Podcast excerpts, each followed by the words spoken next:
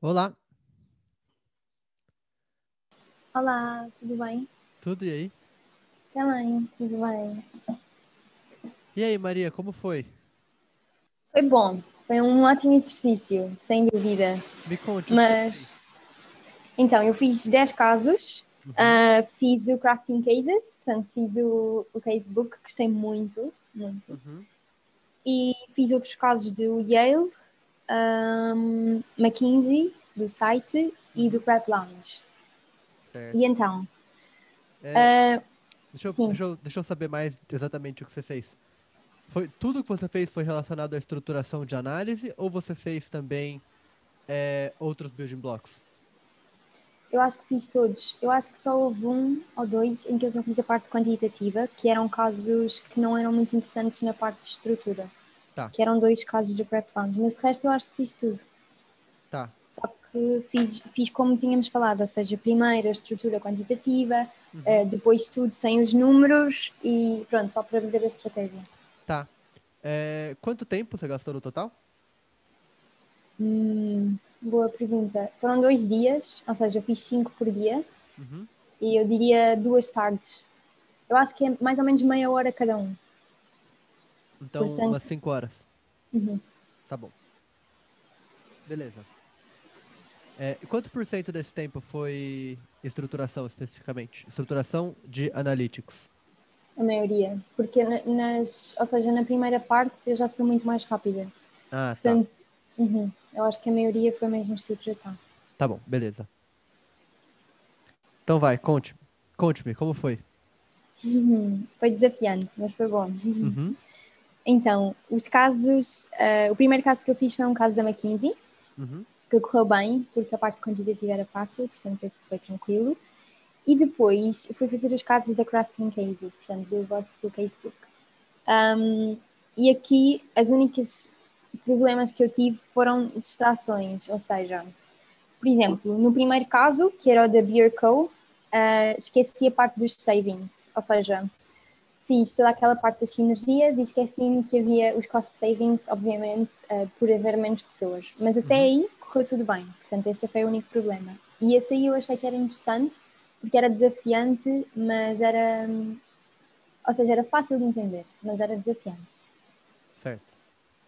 Depois, no segundo, no Lean Fitness, também fiz tudo bem, excepto o facto de não ter lido a parte que dizia que era a parte eh, addressable, não, non-addressable, not working, not working out people. Ou seja, Uhum. essa parte falhou-me, portanto fiz tudo até aí e depois deu-me um resultado diferente e, e quando fui ver o que é que era efetivamente era porque eu me tinha esquecido dessa parte. Tá. Depois fiz eh, dois casos da Prep Lounge que correram bem e, e fiz um caso da McKinsey que também. eh, exato, fiz um caso da McKinsey que correu muito bem e fiz outro que não correu assim muito bem. E aqui eu tenho uma dúvida um bocadinho significativa que tem a ver. hum, Isto é o caso da Global Farm da McKinsey. Basicamente, o que eu fiz foi a minha estratégia foi tentar comparar um com o outro. Não sei, é melhor mostrar o caso. Então, Eu não sei de cabeça nem os casos que eu criei. Então vou abrir aqui e vou partilhar, se calhar. É, acho que eu preciso liberar para você compartilhar. Peraí. Ah, uhum. Pode compartilhar. ok, perfeito.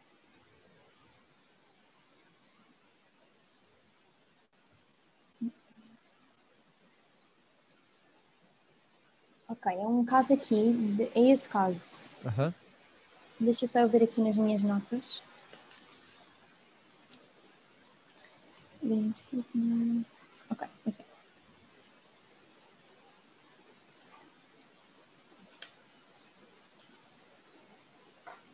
E basicamente é um caso de entrada, ou seja, eles querem comprar uma. Acho que eles querem comprar uma, uma outra empresa. Exato, eles querem comprar esta empresa que é a BioFuture, que basicamente é uma empresa que tem uma parte de moléculas específica que eles querem apostar. Portanto, é uma, uma coisa de market entry e de aquisição. E depois, ou seja, a estrutura é muito simples, é toda aquela parte de. A minha estrutura até estava mais. tinha mais coisas do que esta, eu acho que estava mais completa, mas era toda uma estrutura de uma, de uma casa de aquisição. Uhum. E depois aqui. Hum, pronto, aqui tem a ver com. Este aqui. Exato, isto também é uma pergunta qualitativa. Ah, é isto, ok, já me lembro. Pronto. Aqui basicamente o que eles dizem é que eles vão investir 150 milhões e com estes 150 milhões, na fase 2, em vez de ter uma probabilidade de 60%, a probabilidade vai subir muito, de 40%, a probabilidade sobe muito mais. Portanto, ou seja, isto aqui é, um, é as fases de um estudo. A fase 1 tem uma probabilidade de 70% de ir para a frente e uma probabilidade de 30% de falhar. Fase 2, fase 3, fase 4, etc. Uhum. Pronto, e a conclusão aqui era que tanto a fase 2 como a fase 3 são, têm as duas uma grande probabilidade de falhar, principalmente a fase 2. Portanto, se ele passar a fase 2 e a fase 3, automaticamente já passou, mas a probabilidade de falhar na fase 2 é muito significativa. E então, o que eles dizem aqui é que vão investir estes tais 150 milhões no, numa, na fase 2, para fazer com que a probabilidade seja muito superior. E o que eles perguntam é se, um, se eles conseguirem. Ah, ok, exatamente. E o que eles querem saber é qual é um, a, a, success rate que eles vão ter que ter em vez dos 40% uhum. para fazer o break-even point. Uhum. Portanto, aqui a minha approach foi primeiro calcular a probabilidade de, uma, de, uma, de um medicamento passar estas fases todas. Portanto, é os 70%, vezes os 40%, vezes os 50%, vezes os 90%. Uhum.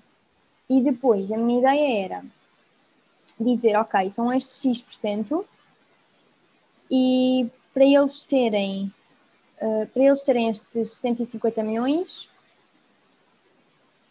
exato, que era 12,6%, portanto, 12,6% vezes 1,2 bilhões, que é este valor aqui, uhum. daria os 150 milhões. E para eles conseguirem fazer o break-even point, a minha estratégia foi pôr os uh, X%, seria a nova taxa, vezes 1,2 bilhões, teria que ser igual a 300 milhões, que seria os 150 anteriores mais os 150 que eles iriam gastar. E a minha estratégia era descobrir qual é essa taxa global da fase 2, multiplicada pelos 70, 50 e 90, para chegar a este valor. Não sei se isto foi confuso, acho que sim, não foi, não foi? Eu tô, eu tô confuso, acho que eu ia precisar ver alguma coisa. Deixa eu falar qual é a minha estratégia. Sim. Você me diz o que você acha. Sobe um pouquinho. Sobe lá na, no desenho. Olha só, o que, que eu pensaria? É, eles já passaram da fase 1, certo? É isso? É isso. Então, quanto dinheiro eles têm, teoricamente? Eles têm 1.2 bi, que é o uhum. resultado final, isso. vezes 40%, vezes 50%, vezes 90%. Esse é o valor esperado que eles têm agora. Exato. E aí, é, qual é o, o novo valor que eles terão? É 1.2 bi vezes o novo valor de, da fase 2, que eu vou chamar de N, uhum. vezes 50%, vezes 90%. Agora, o que, que você quer? Você quer saber quando que o valor novo menos 150 milhões, que é zero, é 150 milhões, não é isso? isso. 0.15 uhum. bi. É igual ao valor anterior. Mais ou menos assim. Uhum. Certo? Certo. O que, que a gente faz? Então, aqui. A gente quer isolar o N. Isso. Só isso. Tão simples uhum. quanto isso. É verdade. Aí agora para isolar o N vai dar um trabalhão. Então eu não vou fazer agora com você. sim, sim, sim. É, mas. Sim, mas a estratégia faz sentido. É, se a gente multiplicar os 50% aqui fica 0,6. Aí multiplica o 90% fica 0,54 vezes N menos 0,15 é igual a 0,54 vezes 40%. Uhum. É, então, 40% de 0,54 é, enfim, não vou fazer a conta aqui agora, não tem sentido. Sim, sim, mas, já Mas- percebi a estratégia. Uhum. É, é a mesma coisa que você faria? Tipo, daria a mesma coisa no fim? Não, porque eu já percebi qual é que foi o problema aqui. Ou seja, Hum. eu, o que eu fiz foi comparei o valor esperado anterior com o valor esperado novo desde o início. Portanto, e aquilo que você disse faz todo o sentido, que é, eles já passaram a fase 1. Portanto, Uhum. a partir de agora será só os 40 ou o N Aham. vezes os 50 vezes os 90. E o que eu Ah, fiz foi tudo. Ou seja, entendi. eu fiz 70 vezes 40 vezes 50 vezes 90. Entendi.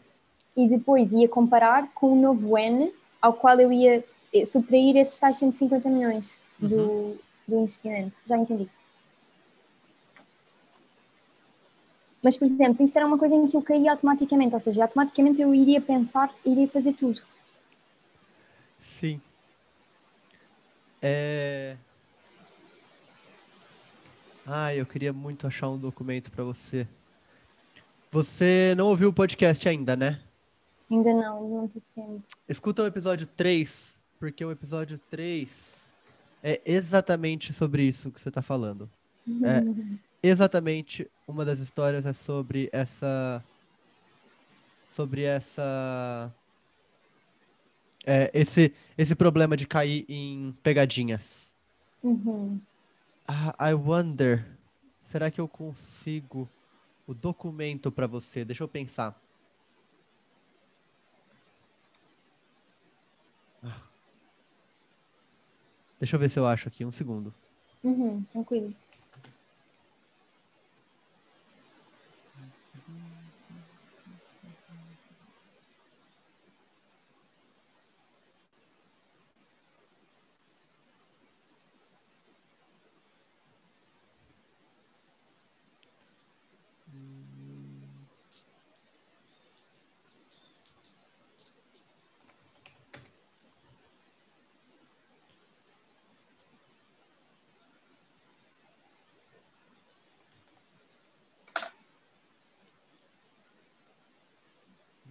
Não, não, não vou conseguir. Que pena que eu perdi isso. É, o que acontece é o seguinte. Esse, esse episódio do podcast especificamente fala sobre um rapaz que caía muito. Ele era um ótimo candidato, mas ele caía Uhum. muito em pegadinhas de análises. Uhum, Que é exatamente o que está acontecendo com você nesse ponto. sim. Todos os Uhum. problemas que você descreveu para mim, você pode chamá-los de desatenção, mas eles são pegadinhas, porque o entrevistador sabe, quando ele criou aquele caso, que o candidato desatento vai cair naquela pegadinha. O que esse rapaz fez, o Uli. Ah, eu não ia te falar o nome, mas agora eu te falei. É, tudo bem, ele não vai se incomodar. Você conhece ele, o Uli? Ah, mas é, é o da BCG? É, Sim, sei quem é. você conhece? Conheci. Ele é Talvez ele-. Talvez ele até tenha o documento. Ele. Ele criou uma análise, ele mesmo. Mas o que ele fez foi criar uma análise que tinha todas as pegadinhas do mundo. Era uma análise. Uma análise de investimentos qualquer, como uma case Uhum. question, que ele tinha case question, a resposta dele, e todas as pegadinhas do mundo. Então tinha assim, se o candidato não perguntar isso, ele vai. é, isso aqui vai acontecer. Se ele não perceber isso aqui, isso aqui vai acontecer. Deu um trabalhão, Meu Deus, imagino. Mas ele nunca mais caiu numa pegadinha. Acha que eu posso pedir para ele o documento? Ah, Acho que sim. Eu confesso que acho difícil ele ainda ter. Pois, é capaz. Ele já está a trabalhar na BCG, eu acho que há dois anos. ou- É, faz tempo. Uhum. Opa. Droga, será que eu tenho? Deixa eu ver se eu tenho no meu Dropbox.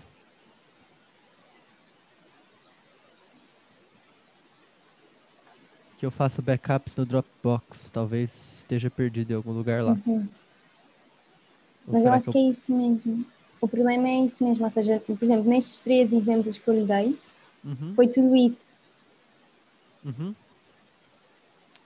Sim. Data. Ah. Não. Tranquilo, se quiser procurar depois e, e ver se encontra. Não, que eu queria. tranquilo. é, Depois que eu termino as reuniões, essas coisas pulam para fora da minha cabeça e nunca mais voltam. E eu já, eu já aceitei isso. Então, ó, Mas aqui, tranquilo. um backup, um, crafting cases, não, structuring course, materiais. Ah, acho que já era. Hum, Acho que já era. Última chance aqui. Temps Bootcamp. Aula 5, aula 4. Não, não terei. Mas eu acho que assim, o que vai ter mais valor para você não é nem ver o documento. Não é em ver que tá o valor, é em fazer. uhum, é verdade. É... O que eu faria no seu lugar? É... Me lembra quanto tempo você tem? Tipo, eu não sei ainda, porque eu comecei agora o processo na BCG, portanto, eu acho que devo ter uma entrevista ou esta semana, na BCG não, na 15, Uhum. ou esta semana ou na próxima. Tenho uma entrevista amanhã da Oliver Wyman, mas é behavioral apenas, que é a primeira. E é isso. E depois tenho a Bain, ainda estou à espera, Uhum. e a BCG ainda não fiz a aplicação. E quanto tempo você tem é, Por dia? geral? Por dia. é. Muito, Tá bom. muito. Sim, tenho muito tempo. Então, constrói uma. Olha, você vai fazer o seguinte: sentar e usar os dados que você tem, não vai tirar isso da sua cabeça, usar os dados para descobrir todas as pegadinhas das análises em que você já caiu. Ok. É, essas, inclusive. Você vai ter que abstrair um pouco delas para poder, tipo, escrever conceitualmente o que é que elas são. E aí você vai criar uma ou talvez duas, talvez precise ser mais de uma análise, que tenha todas essas. Criar a pergunta do caso. Uhum. É, e, obviamente, a sua resposta. Você pode criar a resposta ideal de um candidato, com uma estrutura, com contas, e depois com uma ou duas opções de so what. O so what, né, a gente não pode esquecer. Uhum. E, se você quiser, uma ou duas opções de follow-up questions. É, as follow-up questions você pode deixar que eu crio, se você quiser. Você pode criar a análise, mandar para mim e eu já te falo qual a follow-up question e você constrói em cima. Tá, perfeito. E aí você pode fazer, pode usar alguma, alguma situação da sua vida, ou você pode inventar um business problem ou alguma coisa assim. Mas o importante é que ela, ela contém, ela, a, a uma ou duas análises que você fizer contenha todas as pegadinhas que você conseguir pensar. Uhum. Você vai tentar entrar, assim, no corpo do entrevistador maldoso. Isso é muito interessante. É porque é que eu sempre, tipo, eu acho que isto é muito uma coisa minha, que eu sou muito impaciente, e então eu sempre caio nestas coisas, porque quero logo, tipo, calcular e quero logo ver, e, e tipo, falha, ou seja, mesmo, tipo, eu ouço, Uhum. começo logo, a minha cabeça começa logo a mil, a pensar nas coisas todas, e falham estes pormenores, que é aquilo que diz, tipo, que não é desatenção, é mesmo de propósito. Sim, E então é bem frustrante quando você, tipo, consegue fazer as coisas todas, mas faltou uma coisa, tipo, sim. por desatenção, por, por pronto, por eh, distração, sei lá. Isso foi o único, o único tipo de coisa que você errou nos, nesses 10 casos? Não, me conta Não. mais. Então, eu tinha dois grandes problemas. Este aqui era o primeiro. Ahm, o segundo. Pronto, o segundo, houve um deles, dois deles. Pronto, vou- há mais dois problemas. O outro problema tem a ver com o profit margin, e isto é um problema que eu não consigo mesmo entender. Uhum. Então eu fiz dois casos. O primeiro caso que eu fiz era um caso da Prep Lounge da Lightfast, que era um caso de telecom, e basicamente para resolver o caso eu apliquei uma fórmula que era a fórmula correta, portanto este caso correu bem, e a fórmula correta era que o profit seria igual à profit margin vezes o número de utilizadores. Uhum. Pronto, e, e na altura eu fiz isto e correu bem. E eu pensei, ok, tudo bem. Entretanto, eu fiz outro caso com a Profit Margin, que era um caso da Yale, 2013, que era uma conta de sobre toalhas, e basicamente eles mostravam a Profit Margin e pediam para chegar ao Profit. E eu fiz a mesma conta, ou seja, fiz que o Profit era igual à Profit Margin vezes o número de unidades. E aqui deu uma coisa que não era suposto, que era completamente errada. E eu Mas não entendo onde é que Tem está. uma coisa tá, tá estranho pra mim. Por que é que não é? Tá faltando preço, não tá não? Na sua equação? Mas, hum, se você multiplicar a profit margin vezes o número de unidades, não dá automaticamente o. o- Não, porque a profit margin não tem unidade, certo? Ela é percentual. Isso. Ou seja, Então, o profit. vamos pensar só em unidades. A gente tem unidades vezes percentual é igual a unidades. Uhum. Ah, tem razão. Você Ok. quer em dinheiro, então você precisa É verdade. multiplicar por dinheiro por unidade também, que é o preço. Claro, porque é os revenues, faz sentido. Ou seja, então o profit vai ser igual à profit margin vezes os revenues. Isto. Isso. Claro, porque, claro, até se montar a forma. Então, mas porquê que neste caso eles fazem profit margin vezes número de utilizadores? Ah, deve ser revenue por utilizador. Deve. Ok. Ou talvez o, o, a receita por utilizador seja mil. É isso. e aí não aparece. Ou Alguma coisa assim. Ok, yeah, é isso, com certeza. Claro, isto faz todo sentido. Estupidez. Uma coisa que você pode começar a usar para colocar um processo que vence a sua desatenção é usar sempre análise dimensional nas suas contas. É tipo, fazer a conta só com as dimensões. Nesse caso, você teria Uhum. unidades vezes percentual é igual a unidades. Exato. Então, que é diferente de dólares. Profit. É- Exato. de dólares, né? Você não, profit Sim, não é uma unidade, a unidade é dólares. Então você Isso, precisaria isso. de De, de uma unidade unidade monetária. Uhum. vezes dinheiro por unidade para dar dinheiro. Claro. Assim.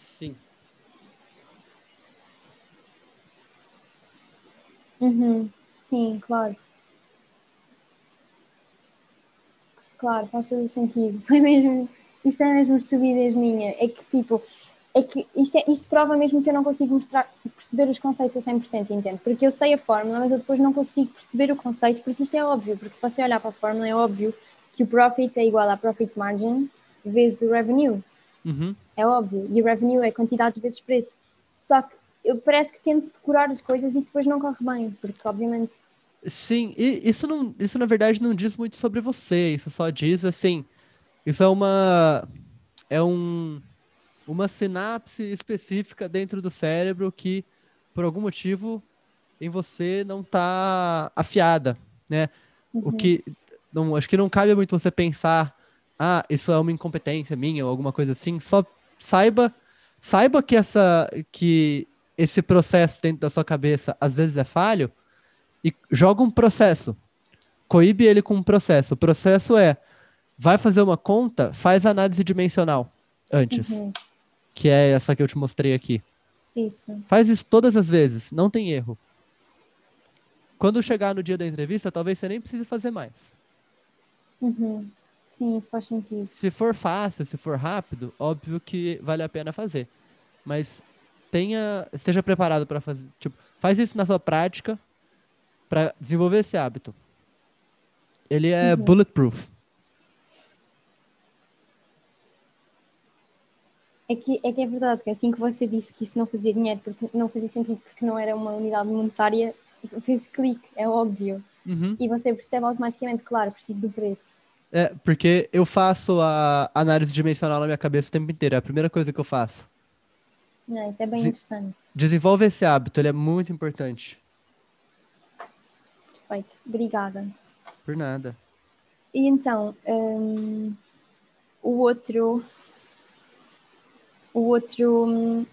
Pronto, os outros dois casos que eu fiz, hum, houve um deles em que eu acertei, mas fiz o caminho mais difícil, portanto, havia um shortcut e eu fiz o caminho mais difícil, e este foi o grande problema. Ou seja, eu sempre que vejo um- uma coisa de comparação, faço tipo antigo menos eh, novo menos antigo Uhum. é aquilo que falámos outra vez, às vezes é muito mais fácil fazer um menos o outro diretamente e a diferença, mas para mim, ou seja, no meu, no meu estado e na minha fase, faz-me mais sentido fazer antigo, menos novo, calcular tudo e fazer a diferença, se bem que demora mais tempo. Tem um jeito muito legal de resolver isso. Você tem que treinar casos de comparação. Você vai ter que Isso. encontrar alguns disso para treinar, mas o jeito de fazer, de conseguir mudar o seu, o seu Mindset. mind, não é o mindset, mindset é meio woo-woo, mas o seu regular wiring. E wire para fazer essa comparação como a McKinsey quer, e a McKinsey é, explicitamente quer que você faça do, do outro jeito, né? Uhum. É fazer os casos, pegar esses casos e escrever a fórmula. Então, você vai fazer fórmula do antigo, sem números, só a fórmula, Uhum. versus a fórmula do novo. Sabe a fórmula matemática? Sim, sim, sim, sim. E, depois aí, você vai ver, junta. e aí você pode até circular o que muda. Você vai isso. ter tipo A vezes B vezes C sobre D menos E. E aí A vezes B1 vezes C sobre D menos E. Circula o que muda. Uhum. Uhum. Um B1. E aí você consegue fazer, falar, putz, eu posso ver só a variação de B? Nesse caso não, porque tem o E. Quão grande é o E? Ah, o E é muito pequeno, então eu posso ver só a variação de B, mais mais ou menos. Ou eu posso ver a variação do primeiro elemento através da variação de B. Então já é um shortcut, sabe? Isso. Exato. Ou seja, na parte de cima, por exemplo, você consegue ver qual é o impacto através da variação do B, certo? É, Isso. sim. Assim, vamos supor que é, A vezes B vezes C sobre D é 20 e E é 10, Uhum. certo? Aqui. Uhum. Ok. E aí, se você. Então, o total é 30, e você sabe que B variou 20%. Então vai variar 4, certo? Porque o 20 vai variar 20%. Certo. Então Exato. é 4, exato. 4 em 30. É isso, você conseguiu Exato. fazer o shortcut. Ok, ótimo. Isso faz todo sentido. Isso vai demorar, tá? Vai doer. É pra doer mesmo. Na sua cabeça, vai doer no ego enquanto você faz, vai doer, vai ser boring, mas Uhum. vai valer a pena. Faz a comparação fazendo, é, fazendo a fórmula inteira sem números. E aí trabalha conceitualmente naquelas letras. Uhum. Isso faz todo sentido. Porque é isso exatamente que me acontece. Ou seja, eu mesmo quando vejo a resolução, tipo, eu sei, ok, claro que eles fizeram a diferença, mas para mim chegar até à diferença automaticamente é praticamente impossível. Uhum. Ou seja, é isso que dizes, tem que, aprender, ou seja, tem que desenvolver este método de olhar para as duas, perceber o que é que varia e Sim. então perceber, ou seja, porque eu não posso partir logo de onde, de onde estou agora para começar logo a fazer as variações porque vai correr mal e, e sempre que eu tento faço a geneira, portanto Uhum. Sim, acho que é uma ótima, uma ótima sugestão, vou fazer, obrigada. por nada. É, então são três coisas que você vai fazer. Sim, as pegadinhas, Uhum. isto e qual é a terceira? A terceira, na verdade, é a Podcast. segunda. Essa, foi, essa aqui é a terceira. Antes Sim. dela, nós tivemos análise dimensional. Ah, é isso, análise dimensional, ok, exato. Por trás Faz. de todas elas, vai ter uma coisa acontecendo também, que é você fazendo análise mais devagar. Uhum. Eu acho que isso vai chegar com confiança, mas também com o hábito de fazer devagar, que você vai ser forçado a desenvolver fazendo essas três coisas. E Sim. A análise dimensional e essa das fórmulas também vão ter sinergias entre si, porque é, criar as fórmulas para os exercícios de comparação vai exigir que você pense só no conceitual. Isso, uhum, sem dúvida. Tá. Sim, porque é isso mesmo que falha. Porque eu, eu fiz um, um, um caso que dizia, tinha tipo o nível máximo de quantitativo, ou seja, que era o mais difícil a nível de quantitativo, e eu pensei, ok, vou fazer porque isto vai ser mesmo desafiante. E a nível de raciocínio era muito fácil. O problema era mesmo as contas, ou seja, eles avaliaram como muito, muito difícil porque as contas eram difíceis. Só que o que este caso provou é que o meu problema está mesmo no raciocínio e não nas contas porque eu fiz as contas todas perfeitamente. E, e, portanto acho que é mesmo, estas coisas são mesmo aquelas que falham. Uhum. Certo. Ok, ótimo.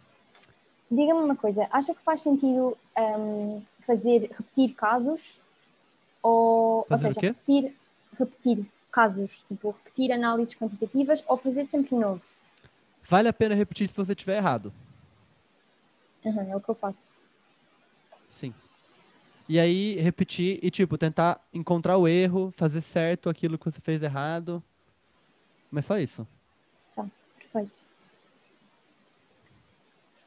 Depois você Ok. pode mudar alguma coisa em um caso, mas isso, isso costuma ser mais útil para estruturação do que para do que para análise. Sim, na estruturação eu faço isso bastante. Tipo, incluo mais coisas. Uhum. É, sim. Ou faço mais perguntas. Uhum. Uhum, É, mas acho que vale mais a pena fazer com casos novos. Perfeito. É, você quer falar de novo depois de fazer essas três coisas bastante? Hum, não sei, o que é que você acha? Para você ajuda, ou, ou você tem tempo, ou está muito atarefado? Eu também não quero tirar muito tempo. Não, é, essa, essa segunda conversa me ajudou bastante.